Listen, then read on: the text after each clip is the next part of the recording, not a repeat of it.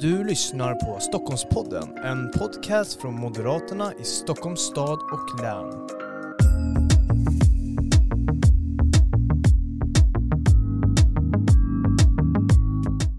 Ja, varmt välkomna till ännu ett avsnitt av Stockholmspodden. Det här är ju en podcast från Moderaterna i Stockholms stad och län där vi pratar brinnande aktuella sakfrågor, spåning i framtiden och eh, med våra främsta företrädare men också med andra personer och aktörer från bland annat näringslivet eller andra positioner i samhället. Och idag så ska vi prata om näringslivsklimat, företagsklimat eh, och med oss för att göra det har vi Hanna Bokander, KSO i Danderyd. Varmt välkommen. Tack.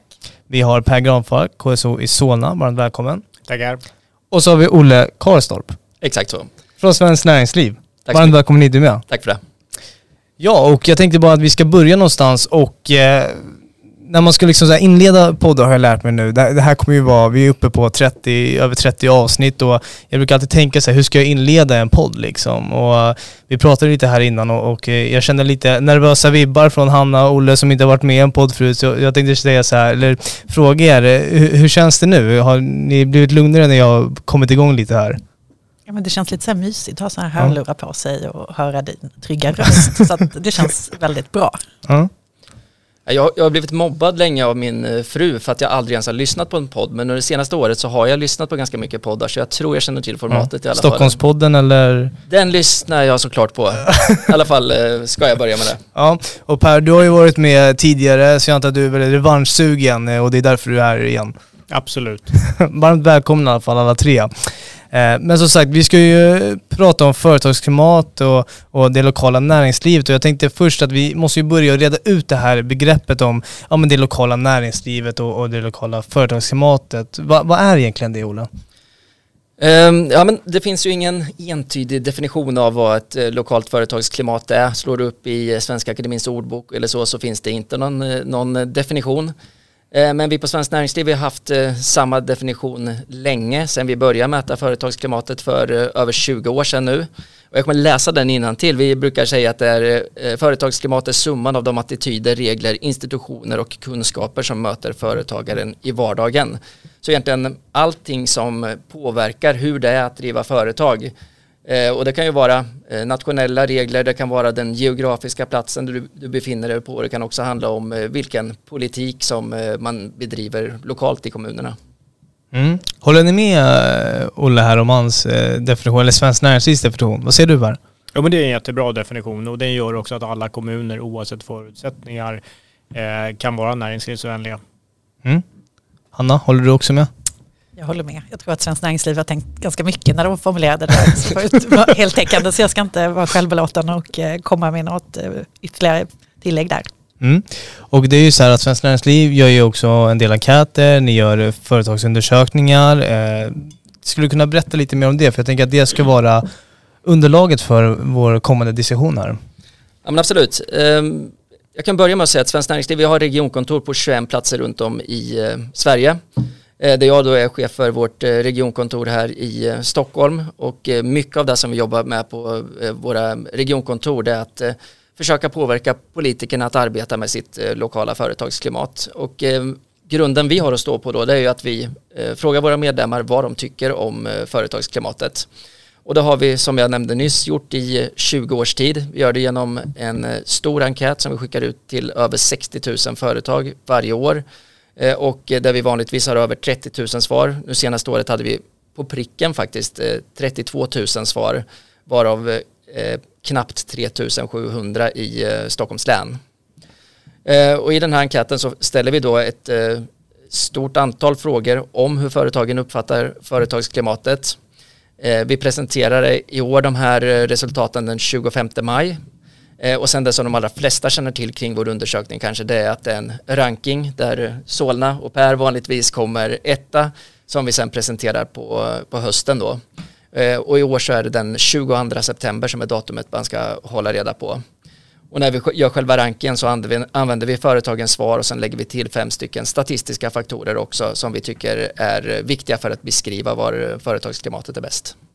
Mm. Men eh, precis, det var den 25 maj då så kom ju den här enkäten eller resultatet av den här senaste enkäten. Exakt. Vad, vad visade den här i Stockholmsregionen?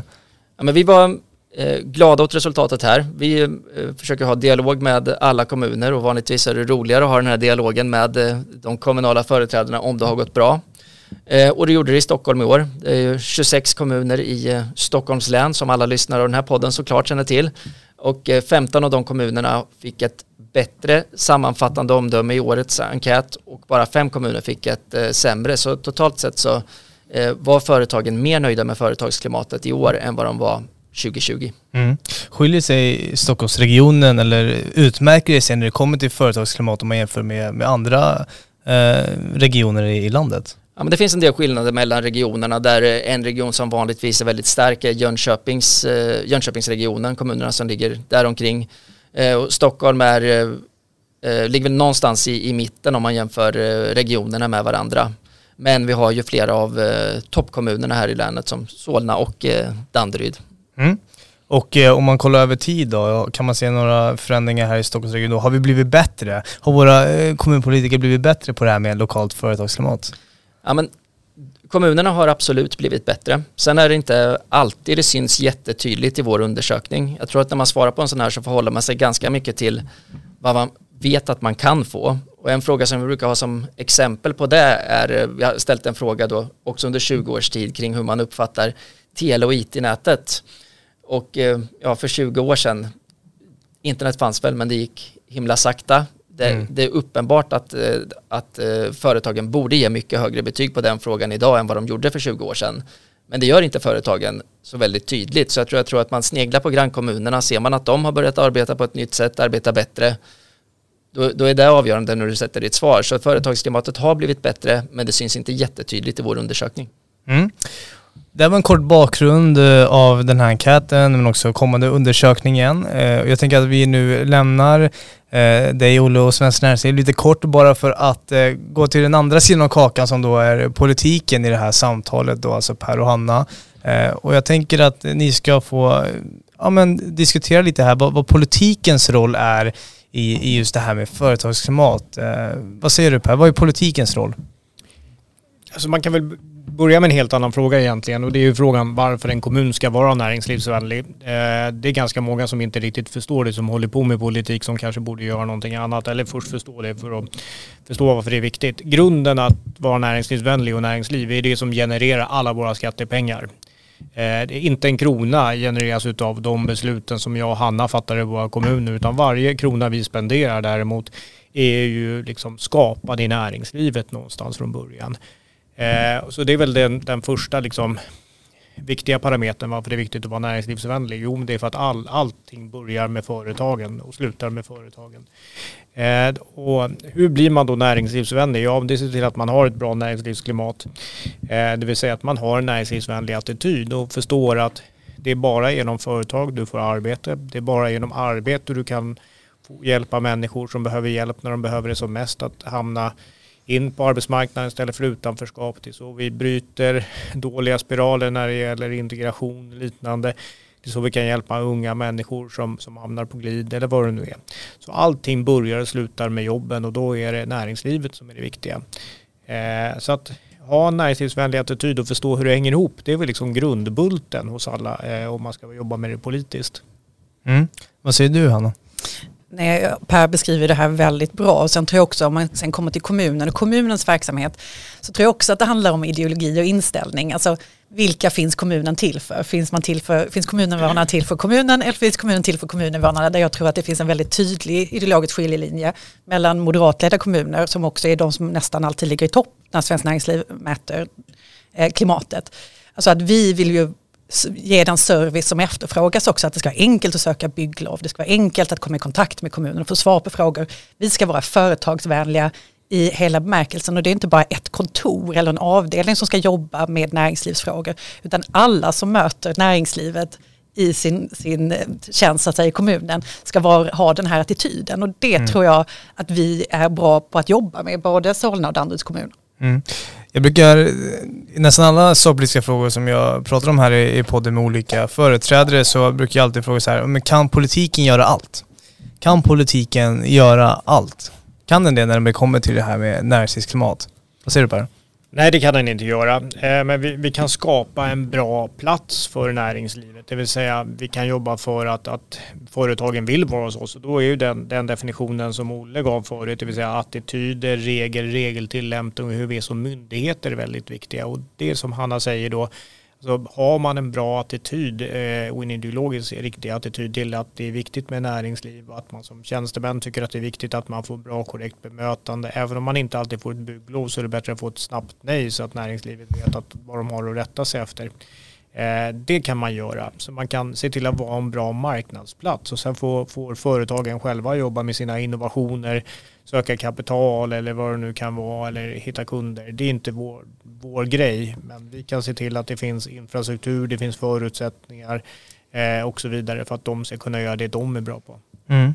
Tänker Olle, kan politik göra allt? Hur tänker du där? Men eh, det är precis som Per säger här att eh, politiken kan ju genom att eh, visa med sin attityd eh, guida tjänstemännen i rätt riktning. Eh, något som jag brukar påpeka ofta när jag är ute och träffar kommuner det är att 70% av alla kontakter som eh, företagen har med sin kommun är i tillstånds och tillsynsärenden. Hur den kontakten fungerar det är helt avgörande för hur företagen ska uppfatta företagsklimatet. Eh, så att jag brukar uppmana kommunerna att eh, eh jobba inte bara utåt, ni ska inte synas och anordna en massa roliga events som många kommuner tycker är eh, spännande och kul att göra. Utan mycket av arbetet måste ske inåt, få de här tjänstemännen att förstå hur viktigt företagande är och också agera på ett sätt så att man gör det lätt för, för företagen. vi brukar kalla det för, för serviceinriktad myndighetsutövning men det finns säkert andra begrepp som beskriver samma sak. Mm. Tänker eh, Hanna eh, Danderyd, ni är ju bland toppen när det kommer till eh, näringslivsklimat och det här med att jobba inåt och inte bara utåt. Hur tänker du kring det? Där har jag ju lyssnat på Olle och Svenskt Näringsliv och förstått hur viktigt det här är. Och som sagt, det är lätt att tro att det är kanske företagsfrukostar och annat som man ska ordna för det lokala näringslivet. Men det är ju kanske inte det som efterfrågas utan det är just den här snabbheten eh, när man är i kontakt med kommunen. Att, att ha en, en, snabb handläggning och en tydlig handledning och förutsägbarhet också i både de politiska besluten eh, men också det som är ren myndighetsutövning. Så det har vi snappat upp och eh, vi kan bli ännu bättre. Men en annan fråga, fråga som har dykt upp nu från Svenskt Näringsliv det handlar ju om, om tryggheten. Så där har jag egentligen lite frågor till Per också.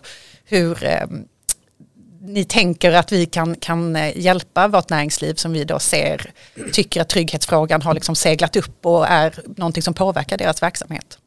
Mm. Eh, jag tänker att vi ska komma till trygghetsfrågan alldeles strax Olof och då, och då ska du få köra en, en eh, lång, eh, eh, en lång snack här om, om vad du vill att, att de polit hur politikerna ska agera när det kommer till just den här frågan just för företagens skull. Men jag, men jag tänker bara på att vi, vi ska gå till dig och till Solna kommun som har ju nu i, visst är det 13 år, eh, varit rankad som nummer ett i företagsklimatrankingen från Svenskt Näringsliv. Och eh, då är det såklart intressant att höra hur ni jobbar i Solna hur, hur den här 13 lång, eh, den här 13 långa eh, triumfen, 13 långa triumfen kan man ju säga är otroligt bra.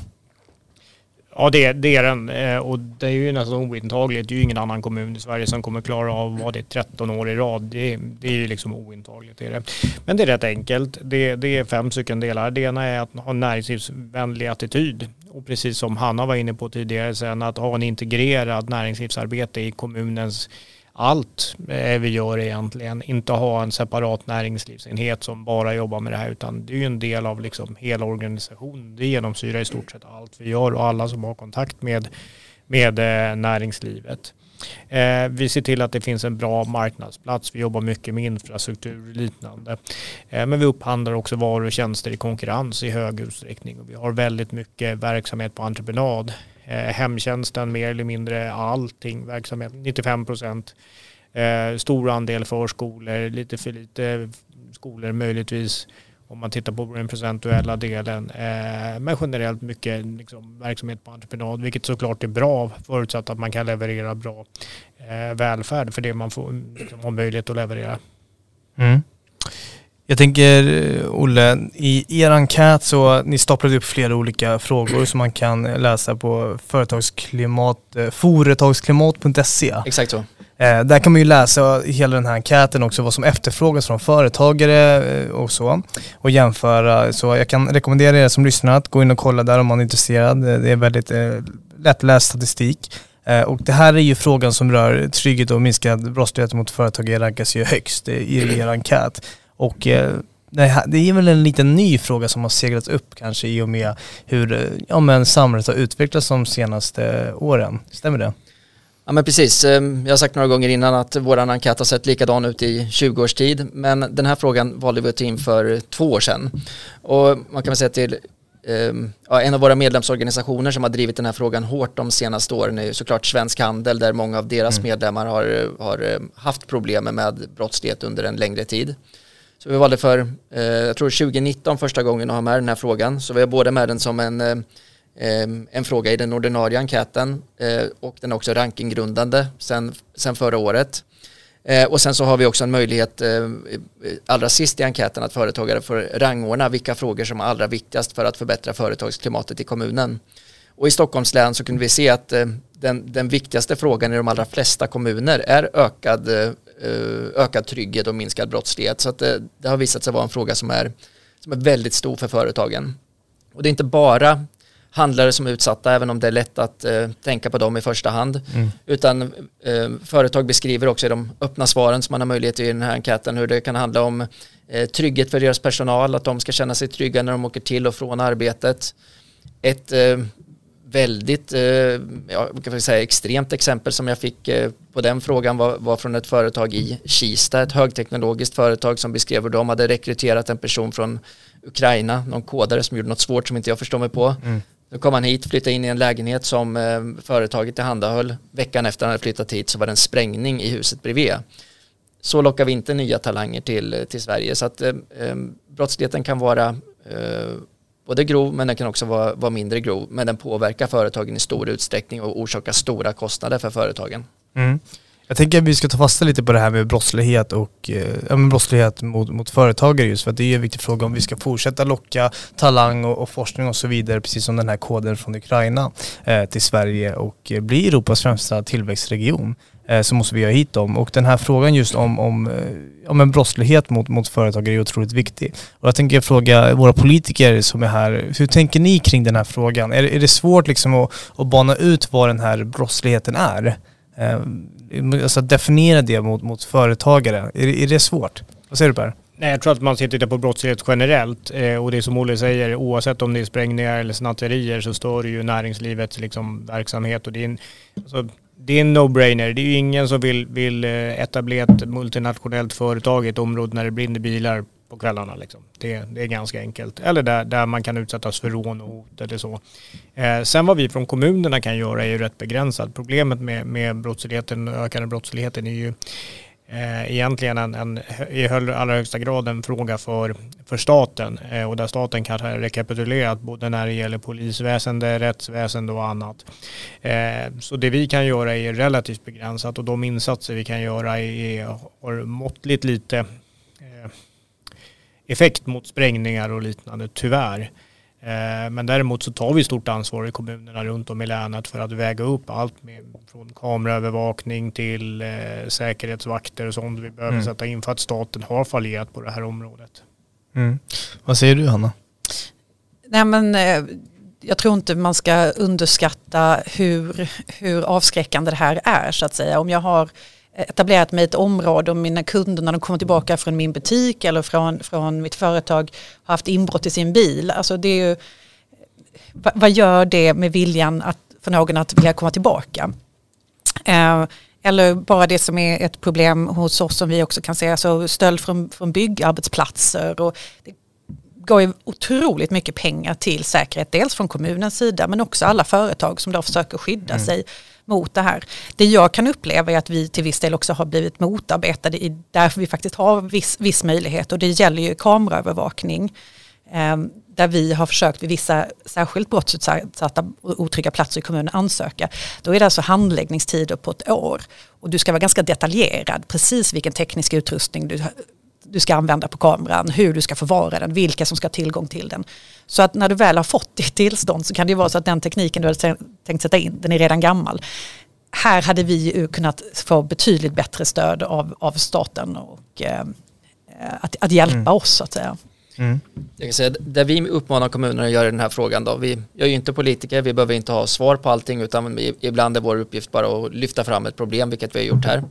Eh, men vi har några punkter som vi brukar ta upp med kommunerna och det handlar dels om att eh, försöka kartlägga brottsligheten i kommunen så att man ska få en korrekt bild av hur, hur stor den verkligen är. Vi vet att eh, SCBs statistik, polisens statistik, den är inte Eh, 100% korrekt och ofta underskattar den problemen. Och det beror på att eh, vi ser i undersökningar som vi gör att företagen, eller bara hälften av företagen alltid anmäler brott varje gång de är utsatta för dem. Det betyder att det finns ett väldigt stort mörkertal som vi tror att, eh, där vi tror att kommunerna kan, vara, kan bidra till att se hur, hur stort problem det faktiskt är. Och jag tror kan vi, kan vi hjälpas åt att, att faktiskt visa hur det ser ut så finns det också större möjligheter att mer resurser läggs på att lösa det här problemet. Mm. Per, du vinkade lite här. Nej? Nej, men jag, jag kan säga något ändå om jag kan göra. Alltså det, det, är såklart att vi behöver jobba lite grann tillsammans med näringslivet för att se vad som är prioriterat. Men jag tror inte att vi ska göra annat än de generella insatserna för trygghet. Utan det är precis som Hanna och andra av mina kollegor gör. Vi kan jobba i närområden. Det handlar om belysningar, det handlar om otrygga platser, det handlar om eventuella säkerhetsvakter och sånt vid, vid vissa tillfällen eller så.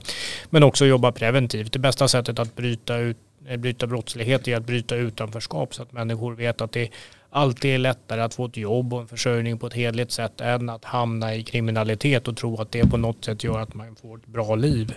Eh, och sen stötta de som vill hoppa av på ett bra sätt, det vill säga ha en fungerande socialtjänst. Det är egentligen det vi i kommunerna ska göra, det är egentligen det viktigaste. Mm. Yes. Den här frågan, eh, eller vi har ju för ett år sedan eh, lanserat en kampanj som heter Omstart Stockholm på, på ditt initiativ Per och, och där vi vill bli Europas främsta tillväxtregion. Alltså Stockholmsregionen ska bli Europas främsta tillväxtregion och eh, det här är ju någonting som ska uppfyllas eh, och man brukar oftast fråga sig, men varför ska vi bry oss om företagarna? Varför, varför ska vi ens bry oss om dem? Eh, kan man retoriskt kanske, många ställer till, till sig som inte är moderater oftast. Eh, men jag tänker det här Per, eller Olle, sambandet mellan att vi vill bli Europas främsta tillväxtregion men också ha det här fungerande lokala näringslivsklimatet. Hänger det ihop? Ja men det tror jag. Alltså, vill vi ha företag som, som mår bra och som, som vill växa och anställa så är det klart att eh, det underlättar om vi har ett bra företagsklimat. Eh, om jag ska eh, prata lite mer där då så kan, kan, vi väl säga att om, man, om vi jämför oss med, med större städer och här citerar jag väl lite grann in, in, indirekt eh, eh Carl-Johan Hamilton som eh, sitter i vår SME-kommitté som driver ett IT-företag som heter Ants. Han pratar ofta om att, om att det stora problemet eh, för dem är rekrytering, att det är svårt att hitta bostäder i Stockholm. Eh, ja, relativt höga skatter som gör att Stockholm inte är eh, lika attraktivt för de här talangerna som, som en del andra städer runt om i Europa är. Mm. Jag tänker med det här med att kunna locka talang och locka forskning och så vidare. Det är ju, ja, men det är kopplat till att vi vill bli Europas främsta tillväxtregion. Vi var ju tidigare lite på inne, inne på det när vi pratade om, eh, om kriminaliteten mot företag och så vidare. Men jag tänker Per och Hanna, för att locka de här talangerna, för att locka den här forskningen, de här investeringarna som vi vill ha till, till Stockholm. Eh, hur ska vi kunna göra det på bästa sätt? Vad tänker du Per? Ja, alltså, det blir ju svårare och svårare att göra det. Alltså, vi, det kom ju ut någon, någon ranking här äh, där Sverige hade näst mest skjutningar i Europa. Alltså en sån ranking sprids ju runt i Europa och alla företag, eh, nya Spotify och liknande när de ska etablera sig och det gör ju att det blir ännu svårare för oss här i Stockholmsregionen och Sverige att hävda oss tyvärr. Alltså vi kommer ha en väldig uppförsbacke när det gäller kriminaliteten att få hit nya världsledande företag och innovationer.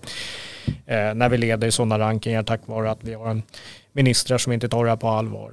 Eh, men det vi behöver göra är att fortsätta satsa på infrastrukturen, bygga ut framförallt vår flyginfrastruktur så att eh, Sverige blir närmare resten av världen och resten av Europa.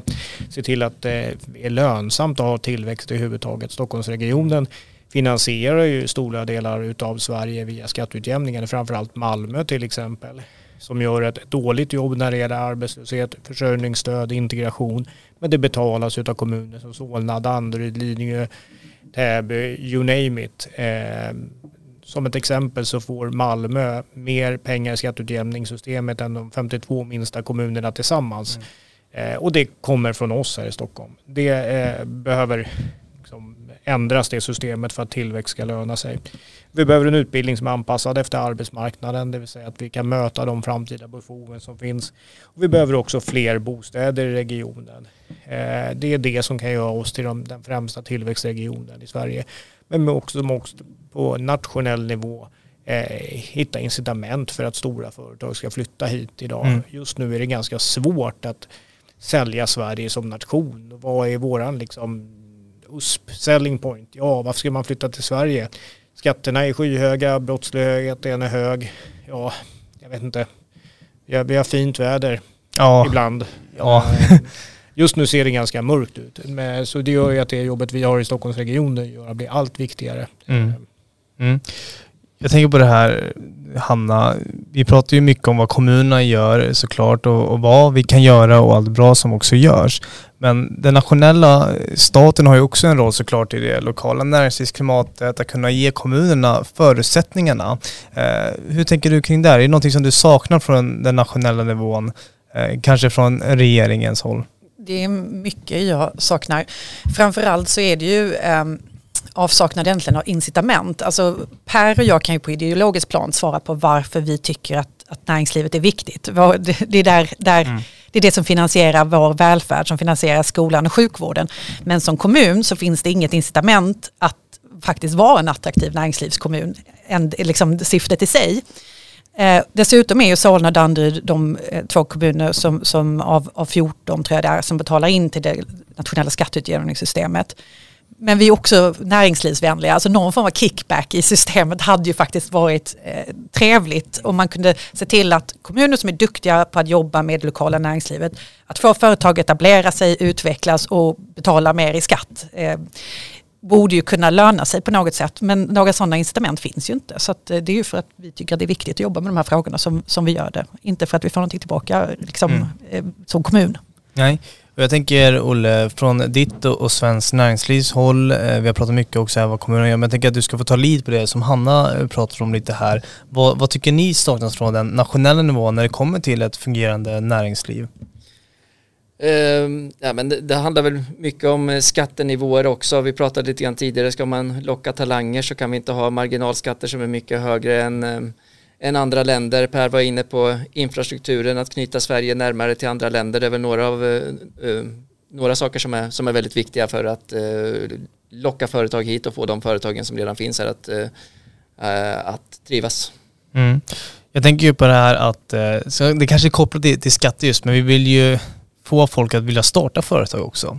Vi vill ju få fler att vilja starta företag, eh, kanske våga ta det här steget att eh, försöka uppleva eller uppfylla sin dröm, till exempel om man är, vill ha en affär eller liknande. Hur ska vi få fler att vilja starta företag? Är det genom skattesänkningar eller vad tänker ni? Det är klart att ekonomiska incitament spelar ju roll. Man måste, jag tror det är, många startar företag för att de har en dröm om att driva någonting. Men för många så kan det också handla om ekonomiska incitament. Man vill ha chansen att få någonting tillbaka för den satsning man har gjort och då kan vi inte ha för höga skatter på företagande såklart. Eh, men sen eh, så är det så att må många yrken, även företagande, går ganska mycket i arv. Har man föräldrar som är företagare så vet vi att det är större chans att man själv startar företag. Mm. Eh, och där kan man ju lyfta fram en sån satsning som Ung Företagsamhet då, som, som kan göra att eh, den typen av arv bryts. Att vi får fler som får under gymnasiet få testa att eh, driva företag under ett år och, och, se vad det är. Då tror jag att vi eh, starkt ökar möjligheten att fler vill starta företag även som vuxna sen. Eh, och i just Stockholms län så är det bara 20% av eleverna på gymnasiet som, som eh, faktiskt driver UF under, under, sitt, eller under ett år på gymnasiet. Medan det är, i, och det är, faktiskt, det är lägst i landet. Jag tror att snittet i Sverige ligger någonstans på 30 och de länen som är bäst, det bästa länet är faktiskt Gotland. Där mm. är det 50% av alla elever som driver UF under gymnasiet. Så där kan vi absolut bättra oss i Stockholmsregionen.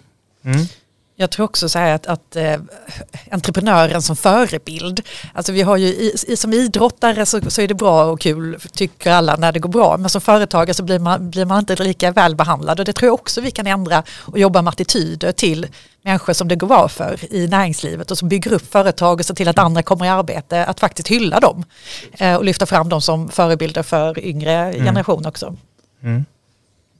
Jag tror att det är viktigt med attityderna också och visa att, att vara företagare, entreprenör är någonting fler borde testa på under en del av livet eller, eller under större delen av sitt liv. Men idag är det ju inget som uppmuntras. Alltså vi har ju liksom börjat mjukat upp för en valrörelse som kanske kommer fortare än vi, vi, vi hade beräknat med. Men där Moderaterna på nationell nivå vill gå ut och jaga människor som fuskar till sig bidrag, det vill säga andra människors pengar som de har jobbat ihop. Eh, men det säger ju regeringen nej till. Socialdemokraterna vill inte eh, ta de initiativen Moderaterna lagt fram om att jaga människor som stjäl andras skattepengar genom bidragsfusk. Däremot med, med liksom, i nästa andetag så vill man eh, lägga in nya skatter på människors sparande, det vill säga alla som sparar över 100 000 kronor ska beskattas som om de vore miljonärer. Eh, det här är en attityd som är bedrövlig för att människor absolut inte skulle vilja förverkliga sina drömmar, eh, starta företag och tjäna sina egna pengar. För det, det finns inga som helst incitament för det och de signalerna ska man inte underskatta när man liksom inte vill jaga människor som fuskar till sig bidrag men man vill hårdbeskatta människor som lyckas spara ihop till sin egen välfärd. Eh, så det är väl grunden i det som behöver ändras och varför vi behöver en ny regering fortare än, än, än kvickt egentligen. Mm. Jag tänker kopplat till det här med att få fler människor att vilja starta företag men också eh, få ljuset på, på företagande och företagsklimat, det som ni jobbar med Olle. Är det så att vi måste börja på den politiska nivån att prata mer om företagsfrågor och företagarnas betydelse för, för samhället men också välfärden? Tycker ni att det glöms bort? Vad säger du Olle? Ja men absolut. Eh, jag har varit på Svenskt Näringsliv ganska länge, ända sedan jag slutade plugga, så jag tror det är 13 år nu och inför varje valrörelse så har ju vi som mål att nu ska företagarfrågor vara högt på agendan. Vi måste berätta för människor att det är företagare som skapar jobb och utan företag har vi inga skatteintäkter. Det är egentligen en ganska enkel retorik men vi lyckas inte få den att bli en eh, en, en stor valfråga någon gång. Så att jag, vi tar gärna all draghjälp vi kan få i att beskriva hur det här sambandet ser ut för människor. För jag tycker att det pratas alldeles för lite om det i, eh, mm. i den politiska debatten. Mm. Vad tänker ni, ni andra just om det här med att eh, de frågorna om som rör näringslivsklimat, eh, företagande, pratas det för lite om det? Håller ni med Ola? Ser du Per? Ja, det skulle jag nog säga. Eh, och pratar man företagande så handlar det oftast om, om gruppen företagande. Jag tror man ska göra som Olle säger, utan förklara att all välfärd finansieras någonstans ifrån andra människors arbete mm. och i grunden är de arbetena i näringslivet. Eh, och det är därför det är viktigt med entreprenörskap och, och företagande. Det är också viktigt med entreprenörskap för att ha ett bra samhälle i framtiden där vi kan ha nya innovationer inom vård, eh, sjukvård. Det är ju liksom inte via statliga beslut vi får fram vaccin utan det är ju privata forskningsbolag till exempel i pandemier och sånt. Eh, så att förklara att välfärd eh, skapas genom människors entreprenörskap. Eh, det tror jag är viktigt att börja där någonstans. Mm. Jag kan väl lägga till lite där också att jag pratade tidigare om att man ska jobba inåt och det gör vi faktiskt lite grann i den här frågan också, försöka få våra egna företag att bli eh, modigare och berätta vad de faktiskt bidrar med. Vi har haft en kampanj sedan ett par år tillbaka som vi kallar för Välfärdsskaparna eh, där man då som företag kan gå in på välfärdsskaparna.se, eh, klicka i hur många anställda man har, vilken omsättning man har och så räknar den ut vad man bidrar med till välfärden. Mm. Och då har man också möjlighet att som företagare få en liten film där, man, där det beskrivs vad man faktiskt bidrar med och responsen från våra medlemmar har varit väldigt god på, på den kampanjen där de berättar att de har kört den på sina intern-tvs och berättat för all sin, sin personal vad det där företaget, förutom då mm. de produkter och tjänster som de skapar, också bidrar med till, eh, till eh, det gemensamma. Mm. Vad tänker du då Hanna? Hur kan man få liksom strålkastarljuset eh, både på den kommunala nivån, med regionala och den nationella nivån att landa mer på det här med, med företagande och, och välfärd liksom?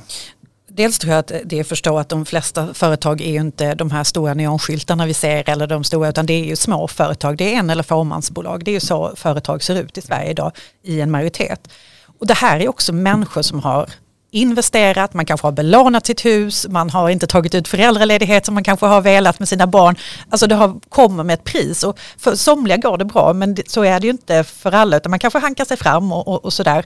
Men att måla upp och liksom personifiera någonstans eh, för, företagaren, för den är så mycket mer än en logotyp. Det är ju som sagt mm. blod, svett och tårar eh, för många. Eh, jag träffade några som blev årets företagare i Danderyd och även i Stockholms län.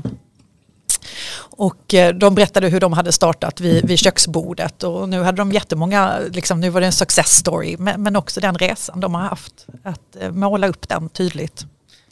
Jag tycker det är otroligt viktigt här som Hanna säger att eh, Eh, bilden av en företagare tror jag är, eh, är felaktig hos eh, gemene man. Att man, som Hanna säger så är de allra flesta småföretagare. Om jag minns siffrorna rätt som jag snott från tillväxt och tillsyn, en organisation som, som jobbar med, att, eh, med serviceinriktad myndighetsutövning så säger de att den genomsnittliga företagaren i Sverige är 46 år, heter Anders, tjänar 21 000 i månaden och jobbar 50 timmar i veckan. Om vi får människor att förstå att det där är, det är en vanlig människa som kämpar på hårt och försöker växa och eh, anställa människor och eh, då, då, tror jag att attityden till företagare skulle ändras även bland eh, Eh, mm. bland eh, ja, människor i allmänhet. Mm. Ja, problemet är att företagare och människor som har framgångssagor eh, används väldigt mycket i den politiska debatten och det blir företagaren. Man tror att en företagare är en Anders Wall-typ som är multimiljonär eller liknande. Men det är jäkligt hårt jobbande människor Eh, någon som kör taxi mer eller mindre dygnet runt eller någon som står i en tobaksaffär som man sliter för att få försörjning till för sina barn. Eh, som också jobbar dygnet runt, helger, veckor, ut och in, eh, julaftnar, vad det nu kan vara. Det är liksom den stora delen av företagare. Och man hör aldrig någonting om dem från politiken. Det skulle vara helt osannolikt och chockartat att höra Magdalena Andersson tacka alla företagare för allt de bidrar med. Eh, det finns liksom inte på kartan att hon skulle göra det och peka ut eh, en kille som, som har en, en godisaffär i någon obskyr stadsdel som han jobbar dygnet runt med. Eller någon som kör taxi mer eller mindre dygnet runt eller något liknande. Utan det är mm. liksom Anders Wall-typer och rika människor. Det är bilden man vill sätta från socialdemokratin för att skapa spänningar och se till att de ska behålla makten. Och när man förstår liksom vem den här eh, genomsnittliga företagaren är, då blir det också lättare att förstå hur märkliga vissa regler som finns eh, blir. Om man tar en sån fråga som LAS som Svenskt Näringsliv har drivit länge och som vi väl tycks få lite förändring i nu. Ser, ser man det här lilla företaget med sju anställda eh, som kanske kan göra några hundratusen kronor i vinst ett bra år och sen har de en medarbetare som inte har hängt med i utvecklingen men som har jobbat där länge Måste mm. den personen vara kvar då? Det är liksom en människa som måste ta ansvar för, för en annan när den kanske egentligen skulle passa någon annanstans, kan utbilda sig till någonting som den både trivs bättre med och där den också eh, bidrar på ett helt annat sätt på, på ett annat företag. Men där vi har haft väldigt rigida regler som, som gör det svårt för företag att utvecklas. Mm. Där räcker det att gå till Danmark och titta på deras arbetsmarknad och rörligheten Eh, på den och där har man inte heller som jag uppfattade, eh, i alla fall sist jag tittade, samma utmaningar med ungdomsarbetslöshet Nej. som vi har i Sverige. Utan det är, det är, man, man byter jobb på ett annat sätt, det cirkulerar. Mm. Man kan bli av med jobbet men man får också ett nytt. Mm. Det är, jag såg ett intressant inslag i Stockholms handelskammare. De gör lite seminarium och sånt nu under coronapandemin och det var den här hur lägger vi in en andra växel för Stockholm och, och då träffar de Gröna Lunds VD. Eh, och han menade på att eh, politiken inte förstår besöksnäringen som är en stor del av företagarna då. Att de inte förstår det och att han efterfrågade att man skulle ha en, en minister, besöksnäringsminister som bara fokuserade just på, på, på näringslivet, att försöka förstå dem. Eh, att verkligen sätta sig in i frågorna. Och jag tycker att jag, jag ska testa den idén här på, för jag, jag tycker den är väldigt, eh, den är lite kreativ och rolig och intressant liksom. Eh, vad, vad tänker du om det Olle?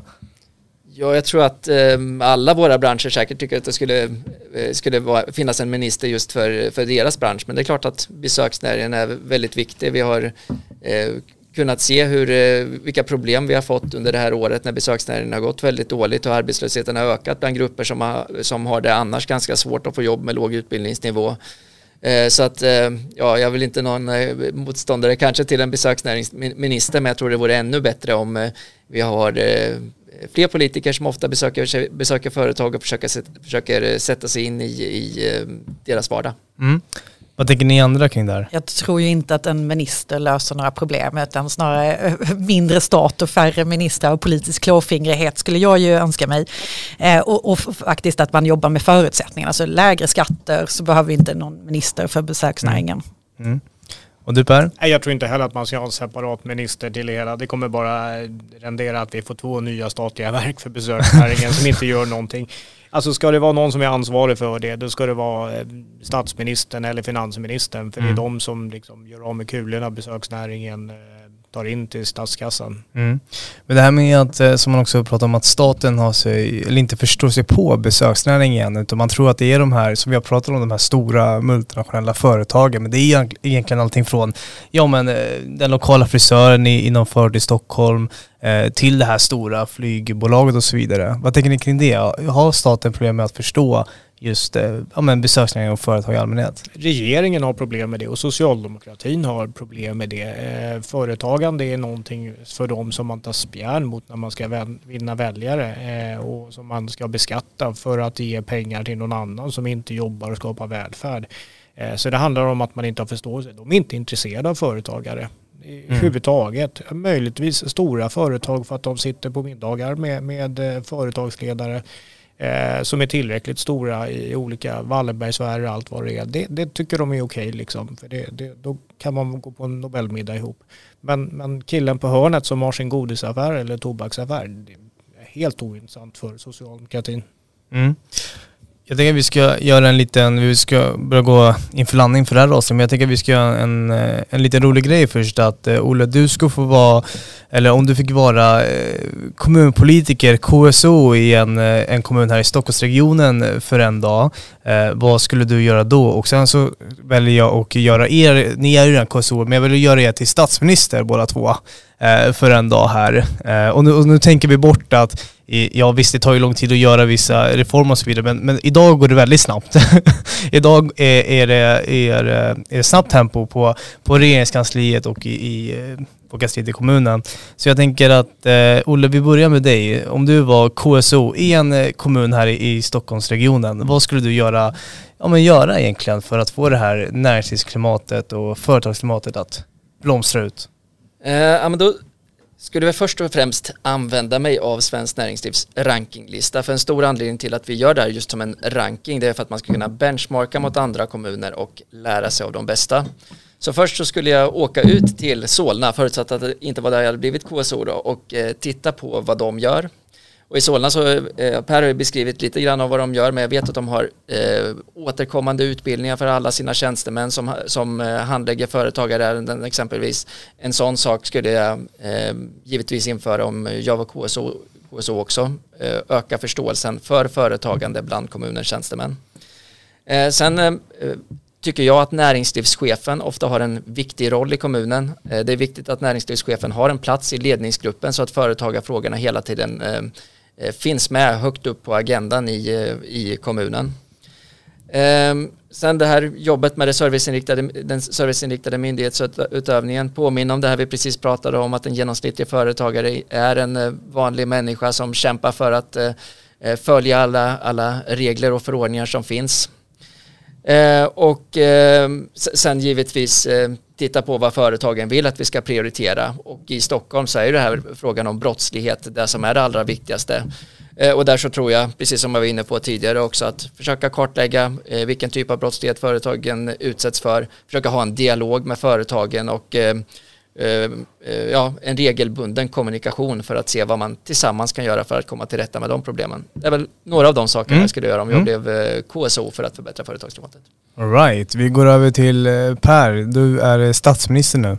Jag skulle börja med att tacka alla entreprenörer och företagare för allt de bidrar med och utan deras arbete skulle vi inte kunna ha någon välfärd, fungerande samhälle eller någonting. Så det är väl det första. Jag föredömlig statsminister. ja, nej men attityder är viktigt eh, och det, det, är liksom, det, det, är, så det är på riktigt. Den andra delen jag skulle göra är att ganska snabbt se över alla de, den uppsjö av olika myndigheter som påverkar företagares vardag eh, och konstatera att de sam sannolikt kan slås ihop ett gäng av dem. Eh, och i samband med det se över eh, en stor del av de eh, byråkratiska regler som drabbar småföretagare och medelstora företagare och se vad man skulle kunna förenkla eller ta bort av dem. Det skulle nog kunna bli en ganska stor lista. Så de tre sakerna. Börja med att tacka företagen, se över då alla de myndigheter som påverkar företagens vardag och sen eh, förenkla eller ta bort en stor del av den regelbördan de har idag. Mm. Vi går över till statsminister Hanna. Varsågod. Kan du säga det där en gång till? Nej men jag tror att det är så otroligt viktigt att man, man så, som då eh, statsminister så, signalerar vem sida man står på. Att man står på de skötsamma medborgarnas sida, de skötsamma företagen som vill göra rätt för sig, som vill vara med och bidra. Så att det här med, med rätt sak på rätt plats och rätt sak för en brottsling är inte ute utan det är bakom lås och bom. Så väldigt tydligt för att jobba med trygghetsfrågan. För jag tror att har vi inte trygghet så kan vi liksom inte bygga någonting annat. Eh, men sen skulle jag också lösa den här krisen nu som, som vi har, eh, regeringskrisen som vi har just nu och det är ju att eh, se till att vi fick marknadshyror så att vi kan attrahera då unga människor till Stockholm att de har möjlighet att få en, få en bostad på ett annat sätt än vad de har idag. Också få igång de flyttkedjor och, eh, och så. Så att Stockholm kan få fortsätta växa och utvecklas. För det ser vi nu från första gången flyttströmmar från Stockholm. Eh, på ett annat sätt än vad man har gjort tidigare. Och det är framförallt unga, unga personer som vi vill, vill behålla i, i Stockholm. Ah, det finns mycket, sänka momsen, titta på LAS. Ja. Skulle inte du också tacka företagen som Per? jag tycker det var fint. jag tyckte det var fint. Ja, men, men det, det, tänker jag att, att det här är ett, ett, ett eh, sätt att visa, visa uppskattning i handling, i handling, handling istället, istället ja. för, för orden. Hörrni, eh, jag vill tacka er alla för att ni kom till Stockholmspodden. Ett jätteintressant avsnitt och jag tänker att vi ska följa upp där också i höst när företagsklimatrankingen kommer yes. eh, från Svenskt Näringsliv. Så vi återkommer ju till den här frågan då. Eh, så får vi se också vad som har hänt med pandemin och så vi kanske kan beröra det lite mer. Eh, men stort tack Hanna Bokander, Per Granfalk och Olle Karlsson för att ni kom hit. Får jag lov att tacka Olle och Svenskt Näringsliv också för att ni gör den här rankingen. För det är ju någonting som vi benchmarkar mot. Alla snegnar mot Solna som är den ständiga ettan då. Vad gör Solna? Och vi vässar oss mot mot Solna och vi alla går lite upp extra på tå eh, när den här undersökningen har kommit och ser vad kan vi bli ännu bättre på. Så stort tack för att ni hjälper oss att bli bättre som kommuner. Och då känns det på sin plats att jag tackar de här 32 000 företagen som faktiskt eh, fyller i den här enkäten. Så om det är företagare som lyssnar så borde ni ha förstått efter det här avsnittet hur viktigt det är att ni svarar på den här enkäten för, mm. eh, varje år. För politikerna lyssnar faktiskt väldigt ofta på vad, eh, vad ni säger när ni fyller i den. Mm. Tack nu har ni båda tackat företagarna, yes. måste jag göra det också. jag kan skicka med ett önskemål till Olle istället. Yes. Jag behöver inte blommor nästa gång. Vad vill du ha istället? Nej, blommor är jag trött på. okay, okay. Ni kan komma till Danderyd med blommorna istället. right. Hörni, tack så mycket för att ni kom hit också. Tack till er som lyssnat och så får ni får ni ha en fortsatt fin sommar. Tack, tack. så mycket. Tack.